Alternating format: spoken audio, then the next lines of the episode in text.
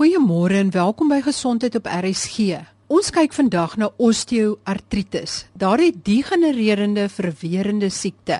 Ek gesels met professor Helmut Reuter, hoof van die Winelands Rheumatology Center op Stellenbosch. Professor Reuter, kan jy so 'n bietjie meer verduidelik wat gebeur met gewrigte tydens osteoartritis? Die naam sê ons al 'n bietjie van wat daar gebeur. Die artritis gedeelte is dan die inflammasie in 'n gewrig en osteo verwys na been. So in hierdie geval is dit nie net die gewrigholte wat aangetast is, maar dikwels die benige strukture ook. So wat ons klassiek sien in osteoartritis is dat die beenige eindes beïnvloed word op 'n einde van 'n lang been is daar kraakbeen. Ons sien dat die kraakbeen meer bros word, dat stukkies van die kraakbeen so te sê amper as vlokkies vrygestel word in die gewrigholte. Ja, die kraakbeen verswak. Die selle van kraakbeen sogenaamde kondrosiete oorleef korter, so hulle sterf basies en kraakbeen kan nie weer nuut vorm nie. So ons kraakbeen is op sy beste gewoonlik op ouderdom 25 en die normale proses is dat dit dan 'n proses van degenerasie ondergaan. In mense met osteoartritis is dan dikwels die geval dat dit op 'n vroeë ouderdom al voorkom as mens sou verwag. As daar nie 'n ander siekte by betrokke is nie, noem ons dit dan primêre osteoartritis of primêre kraakbeen degenerasie. Die meganiese of fisiese stres op 'n gewig te sit, kan daar ook kraakbeenskade is. Dit is byvoorbeeld wat ons sou sien in die knieë van rugby spelers of in die nekke van vrouens wat swaar water kan dra op hulle koppe of in die skouers van tennisspelers. So as daar spesifieke gewrig onder fisiese stres geplaas word, kan dit ook aanleiding gee tot vervroegde degenerasie van die kraakbeen. Met artritis soos byvoorbeeld jeug of reumatoïde artritis as 'n erge inflammasie in die gewrig is kan ook vervroegde kraakbeenskade wees en dit kan dan aanleiding gee tot sekondêre osteoartritis. So die belangrikste gedeelte in osteoartritis is die degenerasie van kraakbeen. Wat gebeur dan met die been self? As ons kyk na die osteo gedeelte, die benige gedeelte, is daar aanvanklike verharding van die been daar's addisionele beengroei, daar's voetjies op been wat groei. Ons noem dit osteofiete.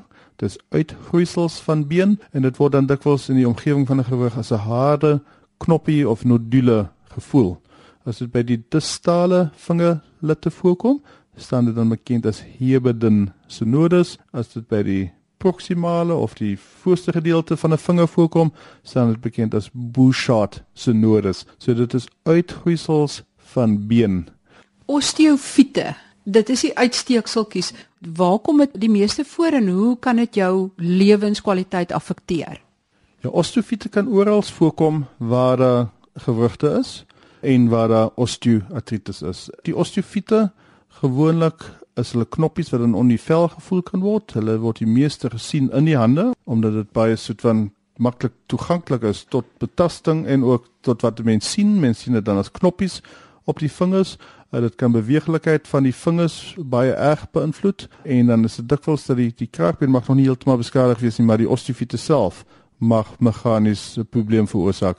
En dan is dit osteofiete in die nek en die lae rug waar dit wel dan kan druk op sinewees, die sineweewortels en as 'n osteofiet op so sineweë druk, dan kan dit baie erge pyn veroorsaak. As dit 'n uitstralende pyn is, dan is dit 'n radikulêre pyn En dit is dan dikwels 'n rede dat 'n mens daarna moet kyk, is dit kraakbeen van die kussentjies wat uitstulp en op die sinewe druk of is dit 'n benige uitgroeisel die osteofiet wat op die sinewe druk en dit dan dikwels beelding nodig. Die benige strukture kan op 'n ekstraal gesien word waar die kraakbeen en die sagte weefsels net op 'n magnetiese resonansieskandering gesien kan word en dis dan die rede dat dikwels 'n magnetiese resonansie nodig is om te kyk is daar sagte weefsels wat betrokke is, is die kraakbeen betrokke en is daar enige beklemming van 'n sinewe spesifiek in die gebied van die nek of die rug. Professor Reuter, kan jy meer verduidelik waar die inflammasie deel inkom? Weens die ontsteking wat 'n mens soms ook kan kry in hierdie gewrigte, is daar inflammasie met sagte weefselswelling en dit is dan die inflammasie dan ook van die synovium wat ons dan 'n synovitis of artritis noem. Is daar enige verskil tussen mans en vroue? Uh, dit is sekerlik so dat vrouens meer nodulêre osteoartritis van die hande kry. Of dit is omdat hulle meer met die hande werk as mans, is nie so duidelik nie, maar ons sien baie baie meer uitgesproke Hibberden's nodus en Buschard's nodus in vrouens as in mans. Hoe behandel 'n dokter osteoartritis? Ons het geen spesifieke behandeling om die proses van osteoartritis te keer nie. Wat ons wel weet is dat in omtrent 60% van mense kan middels soos glucosamine en chondroitin sulfaat kniepyn en osteoartritis verbeter. Ons weet dat die belangrikste aspek van hantering van mense met knie osteoartritis is vermindering van liggaamsgewig, so die persone bo normaal swaar wees, so dit is 'n vermindering van die gewig en dan weet ons dat pynstilling deur verskillende medikasie die lewenskwaliteit verbeter. Nou die eerste stap in die pynhantering van osteoartritis is met parasetamol of Panado wat tot 4 keer per dag gebruik kan word wat dan 'n relatief veilige metode is van pynverligting. Daar is gevind dat mense met osteoartritis soms ook voordeel kry simptomaties met die gebruik van alkalisiese middels soos Dr. Vogel se alkalisiese poeier of sitrusode. Die meganisme daarvan is nie heeltemal duidelik nie. As daar sagte weefselswelling is, dan kan die non-steroidale anti-inflammatoriese middels ook 'n rol speel of 'n inspuiting met kortison in die gewrigte. Dit is egter belangrik om daarop te dui dat anti-inflammatoriese middels behoort nie lanktermyn gebruik te word in gevalle van osteoartritis nie en dat mense dit werklik wil terughou vir die mense wat hoofsaaklik ontsteking is eerder as wat daar pyn is as gevolg van meganiese skade in 'n gewrig. Is chirurgie of 'n operasie wel 'n uitweg? Weens die meganiese skade Ek wil net weer sê dis die komponent van te min kraakbeen, te min sponsigheid en die oormatige groei van been speel chirurgie wel 'n baie belangrike rol in die hantering van osteoartritis. Die tipiese chirurgie mag dan wees om gedeeltes van die been te verwyder, soms moet stukkies kraakbeen verwyder word en dan in die eindstadium gewrig mag daar 'n uh, gewrigsvervanging ondergaan word. Die mees algemene gewrigsvervangings wat gedoen word is dan knievervangings, of heupvervangings en dit kan totale vervangings wees of gedeeltelike vervangings. Dit is belangrik om te weet dat skouervervangings, elleboogvervangings, enkelvervangings en selfs vingerlidvervangings ook moontlik is en dat dit 'n baie belangrike rol kan speel in die hantering van osteoartritis. Omega 3 het 'n gering anti-inflammatoriese effek. Dit het 'n voordelige effek op cholesterol en kan dikwels saamgebruik word met die Panado en mag soms ook saamgebruik word in mense wat non-steroidale anti-inflammatoriese middels nodig het. In gevalle van erge pyn wat nie beheer kan word deur parasetamol alleen, word dan soms opiatemiddels saam met dit gebruik of tramal of tramacet wat dan analgetiese pynstillende middels is wat bykomstig bydra tot die verbetering van lewenskwaliteit. Baie van hierdie middels kan egte invloed hê op stoelgangvorming en hartlywigheid veroorsaak. Van hulle kan ook bydra tot veral in die ouerige persone dat hulle 'n bietjie die mekaar kan word, selfs tot hallusinasies of delusies aanleiding mag gee. So mens moet versigtig daarna kyk dat 'n mens maar ook weer met 'n lae dosering begin en dan onder gekontroleerde omstandighede die dosering vermeerder om goeie pynverligting te bewerkstellig uit sonder gevalle waar daar baie inflammasie is, gebruik mense dan soms middels wat gewoonlik vir reumatoïde artritis gebruik word en dit is om die aktiwiteit van die immuunselle tot 'n mate te onderdruk. En 'n middel wat in hierdie geval soms gebruik mag word is chloroquine, 'n middel wat ontwikkel is vir die behandeling van malaria, maar wat ook in die bindweefsel siektes en reumatoïde artritis 'n rol speel om immuunselle tot die mate te stabiliseer en dit mag in mense met baie inflammatoriese osteoartritis ook 'n rol speel in die behandeling. Dit is belangrik om te kyk na ander hulpmiddels, fisioterapeute, arbeidsterapeute en dan ook ortotiste speel 'n belangrike rol om te help met spalkies, oefeninge, ontspanningsoefeninge, versterking van spiere in sekere gebiede. Dit is belangrik dat die mens in osteoartritis nie net gryp na medikasie nie, maar dat die mens weer eens kyk na lewenstyl, waar nodig gewigverlies en dan versterking van sekere spiergroepe, uh, ondersteuning uh, binne sole ensovoorts wat alles 'n rol kan speel om meganiese drukpunte te verlig, uh, gewrigte te stabiliseer en daardie pyn te verlig. Ek het so tydjie terug gehoor sportwetenskaplikes onttrek bloed of vog en dan sentrifugeer hulle dit en dan spuit hulle weer een of ander weefselfaktor terug in die gewrig. Ek is ook baie bewus van die tegniek. Tot die mate word dit soms ook gebruik vir tendonitis. Ek dink dit het nog verder navorsing nodig en dit is nie iets wat op hierdie stadium deur reumatoloë gepraktiseer word nie. Is daar van hierdie kruiemiddels of homeopatiese middels wat kan help om jou gewrigte sterker te maak of om jou been wat jy verloor het weer te herstel of om jou kraakbeen sterker te maak? Kondrosite is die selle van lewende kraakbeen.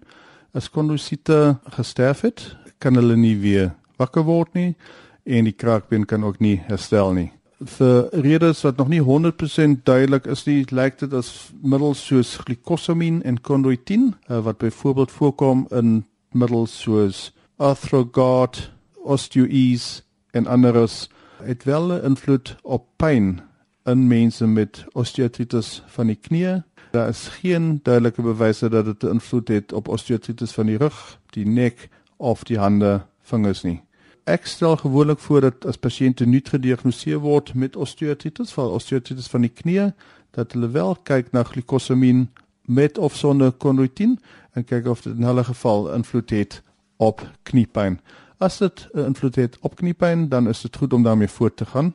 Juis as 'n pynverligter wat waarskynlik veiliger is as die gebruik van non-steroidale anti-inflammatoriese middels of die opiate. So in daai opsig is dit baie sinvol om iets te gebruik wat pyn verlig en wat nie negatiewe effekte het nie. Dit bou egter nie kraakbeen weer op nie en dit is onduidelik of dit werklik enigsins die proses van kraakbeenvernietiging beïnvloed. Omega 3 speel wel 'n rol in inflammatoriese artritis. Daar is bewyse dat 'n rol speel in reumatoïde artritis. Uh, dit werk weens die prostaglandinsintese in die pynontwikkeling in akute jeug. Omega 3 het 'n invloed op prostaglandinsintese onderdrukte tot mate. As 'n minder prostaglandines gevorm word, is daar minder inflammasie, minder pyn. So omega 3 is een van die oor die toonbankprodukte wat wel 'n rol kan speel dit is nie 'n middel wat vinnig werk nie, so mense moet dit ten minste vir 6 weke gebruik voordat dit enigstens 'n positiewe effek het en dan kan dit lanktermyn gebruik word. Uh, ons sê gewoonlik 'n dosering van tussen 2 en 4 gram per dag is sinvol as mense dit wil gebruik vir die stabilisering van inflammatoriese pyn in artritis. Daar is nie ander middels wat direk invloed het op osteoartritis waarvan ek weet nie. Ek kyk na pasiënte se Vitamiin D vlakke Indien die Vitamiin D vlak verlaag is, skryf ek gewoonlik 'n Vitamiin D3 voor uh, wat gewoonlik gebruik kan word as 'n daaglikse inname of as calciferol uh, twee keer per maand of afhangend van hoe laag of hoog die vlakke is, weekliks of net een keer per maand gebruik kan word. Die gedagte om Vitamiin D te gee is om benige strukture en die gesondheid van been te beïnvloed. Dit het egter nie direkte invloed op die gesondheid van kraakbeen nie, wat ek genoem het die mees belangrikste deelte is van osteoartritis. Maar altyd as die Vitamiin D vlak laag is, vul ek dit aan. Dit het ook 'n invloed in beskerming teen osteoporose en wie eens dit is as die vlakke laag is. As die vlakke reg is, is daar geen sin in om dit verder te boost nie. So dit is sinvol om 'n Vitamiin D vlak vas te stel voordat 'n mens Vitamiin D produkte gebruik. Uh, die vraag van hoeveel kalsium is nodig is op hierdie stadium 'n interessante vraag waarop die antwoord nie so duidelik is nie. Daar is wel studies wat gewys het dat die inname van kalsium moontlik kan bydra tot uh, kalkneerleggings, kalsiumneerleggings in arteriosklerotiese plakette. So die gedagtes rondom kalsium is dat dit altyd saam met Vitamiin D gebruik moet word wat dan waarskynlik tot 'n mate gaan beskerm teen kalsiumneerleggings in bloedvate en eerder die neerlegging in benige strukture gaan bevorder. So in my praktyk kry mense nooit kalsium sonder dat hulle Vitamiin D gebruik nie, behalwe as daar ander redes is vir kalsiumtekort. One and Rheumatology Center op Stellenbosch en die onderwerp van vandag is osteoartritis. Ons gesels nou aan die hand van 'n gevalle studie oor osteoartritis en hierso is 'n tipiese beskrywing van 'n geval. My ma is 72 jaar oud en ly al die afgelope 12 jaar of langer aan artritis. Ons is nie seker watter soort nie, maar dit het begin by haar hande waarvan die litte baie ernstig opswel en pynlik is. Ons merk nou dat sy rug en knieprobleme optel, asook dat haar voete snaakse beenerigheid vertoon. Sy word ook volgens ons al kleiner en begin nou vooroorloop.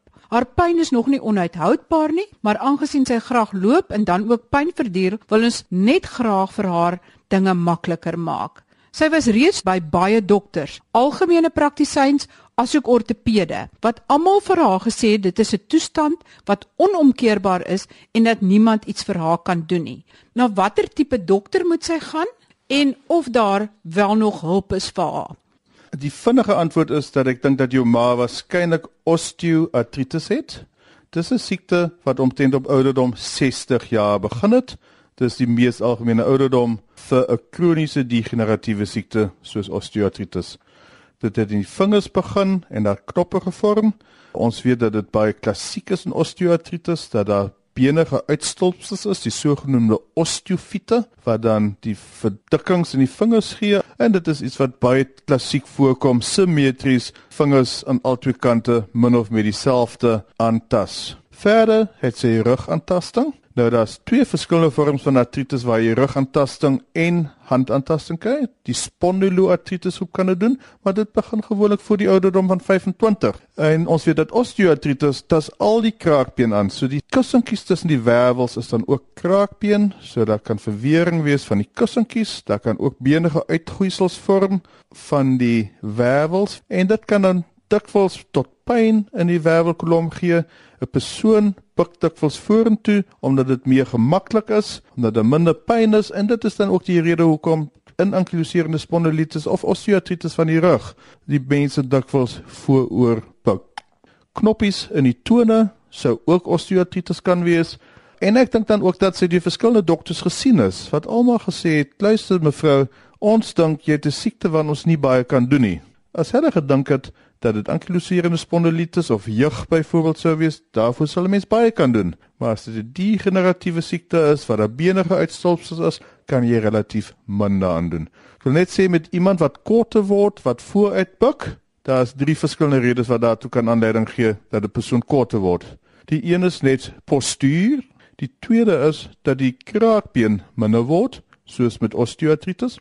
So as jy by 20 verskillende kussentjies 'n halwe sentimeter verloor, dan verloor jy 10 cm. Selfs is ook dat die kraak by die enkels minder word, die kraak by die knie minder word, die kraak by die heupe minder word, wat dan aan die einde aanleiding gee dat 'n persoon korter word. En dan die derde metode hoe mens korter kan word is dat die been minder word en dit is die spesifieke ding wat ek dink wat mense wel nog na wil kyk in jou ma is of daar nie ook osteoporose by is nie osteoporose sulks gee ook nie pyn nie. Osteoporose beteken net daar is 'n verswakking van die strukture van die been, onder andere ook die strukture van die wervels en die wervels kan dan saamval. Hulle word platte en klassiek val hulle voor eerder plat as agter en dit gee dan verder aanleiding tot die vorentoe buig. Met die vorentoe buig word daar weer meer krag op die voorpunt van die wervel geplaas en kan die volgende wervel ook aan die voorkant platval. So ek dink met die korte word vorentoe buig is dit belangrik dat die mens net uitskakel dat daar nie osteoporose is nie. En dan sou mens dit kan behandel om te voorkom dat daar verdere frakture plaasvind. Oor die behandeling, mens kan altyd help. Daar is nie 'n persoon vir wie jy nie kan help nie. Ek dink die eerste belangrike ding is om 'n duidelike diagnose te maak en dit te verduidelik.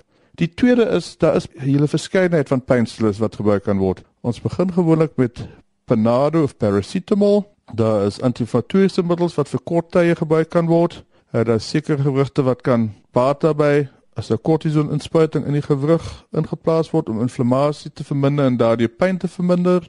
Daar is die sogenaamde opiat of morfienagtige pynstillers wat baie suksesvol gebruik kan word. Daar is altyd hulp in opsigte van pyn. Daar is meer as 10 verskillende klasse pynstillers. As daar op sinewees gedruk word, sal daar spesifiek iets gedoen kan word, daar sekere middels wat sineweepyn verbeter.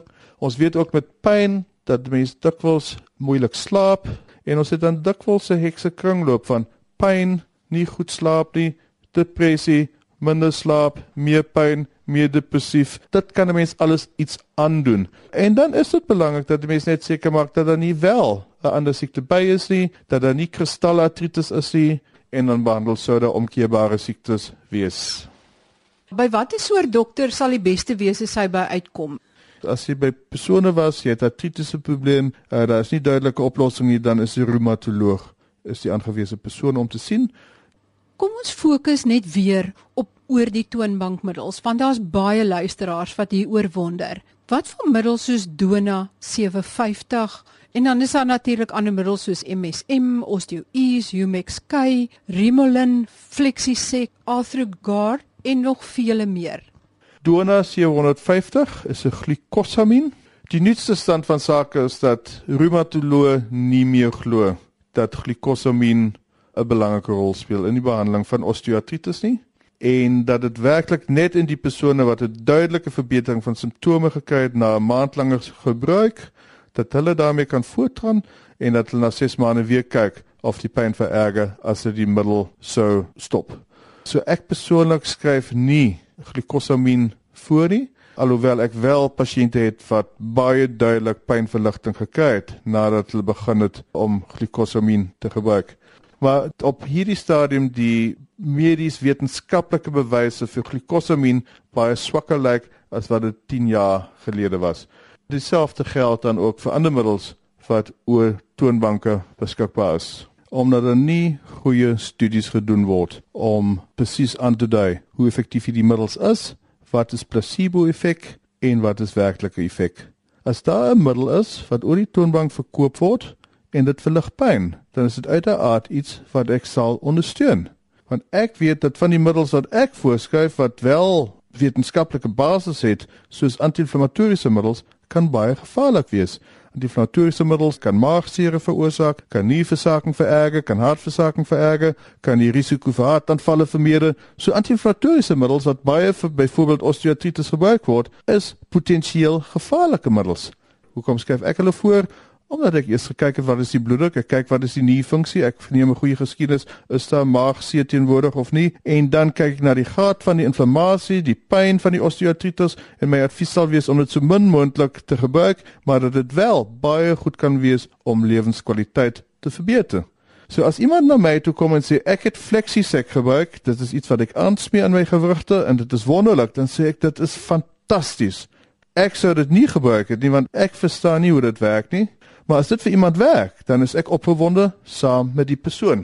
Ek dink daar's 'n paar ander dinge wat definitief ons weet dat anti-inflammatoriese middels wat ingevry word kan help. Uh, ons weet dat capsaicin, dis peperbasis, as dit oorgewigte gevry word, dit het effek op pyn. So ek dink dat die meganiese aksie van oorgewig wryf dat dit in sekere mense wel die pyn verlig, is dit R450 per maand werd wat doen jy as jy 46 gewig het wat osteoartritis het. So ek is skepties oor byvoorbeeld Flexisec, maar as dit vir 'n spesifieke persoon help, gebruik dit. Ek het al gepraat oor glikosamin, chondroitin sulfaat, is bietjie in dieselfde klas. MSM word dikwels kombineer in kombinasies. Ek het baie pasiënte wat baie goeie effekte daarop het. So ek dink dat MSM redelik veilig is. As dit goeie pynverligting gee, beter as parasetamol, gebruik dit. So wat is veilig? Wat weet ons kan werk?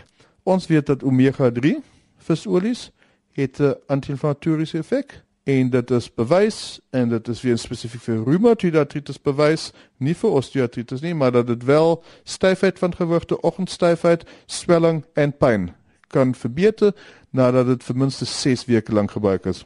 Daar is studies gedoen wat wys dat Vitamiin D 'n positiewe effek het in persone met osteoartritis, ook nie in almal nie, maar dis weer 'n soortgelyke benadering soos met glikosamin dat mense dit vir tydjie gebruik en dan kyk of dit wel effek het of nie. En weer eens dit sou vir minste vir 3 maande moet wees.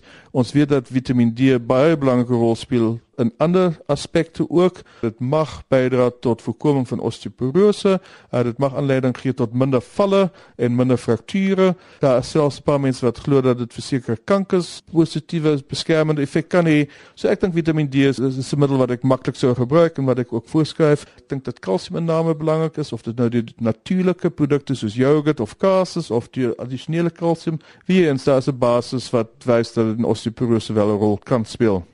Daar is sekere ander olies wat belangrike en gesonde olies mag wees, neute, avokado, uh, en ander. So ek dink daar is 'n definitiewe plek voor. Ek weet dat baie van my pasiënte verbetering van simptome kry nadat hulle minder stysels, minder suikers inneem. Ek weet dat dit vir die metabooliese siektes wat veral met mense wat ook soms kortison gebruik, besonder aanbeveel moet word om so min stysel en suikers as moontlik te gebruik. As dit bykomstige voordele het vir die artritispyn, dan is dit absoluut wonderlik en sal ek dit ondersteun. Dit is aan die einde van ons program. Ek hoop die inligting het julle gehelp om hierdie baie algemene probleem te hanteer. Tot volgende week dan. Totsiens.